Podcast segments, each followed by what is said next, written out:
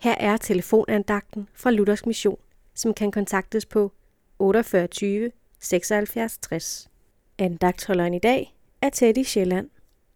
I dag skal vi læse et bibelvers fra Matteus evangeliet, kapitel 11, vers 28, og det er Jesus, der siger, Kom til mig, alle I, som slider jer trætte og bærer tunge byrder, og jeg vil give jer hvile.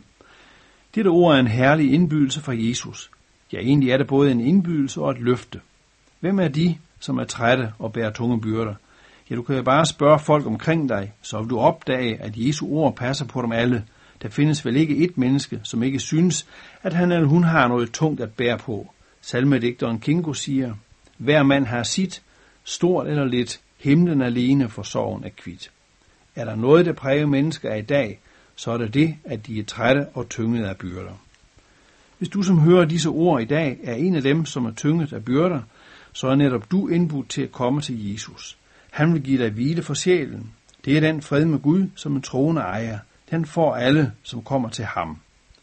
Nu hersker der ikke længere ufred mellem Gud og dig, men fred. Gud elsker dig som sit barn for Jesus skyld.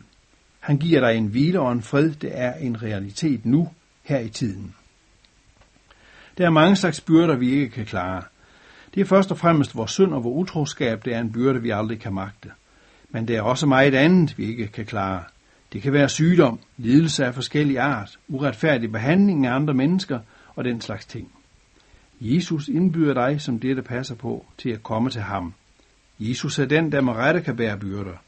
Han har på sit med bort vores synder op på korset træ og skaffet soning for dem. Amen.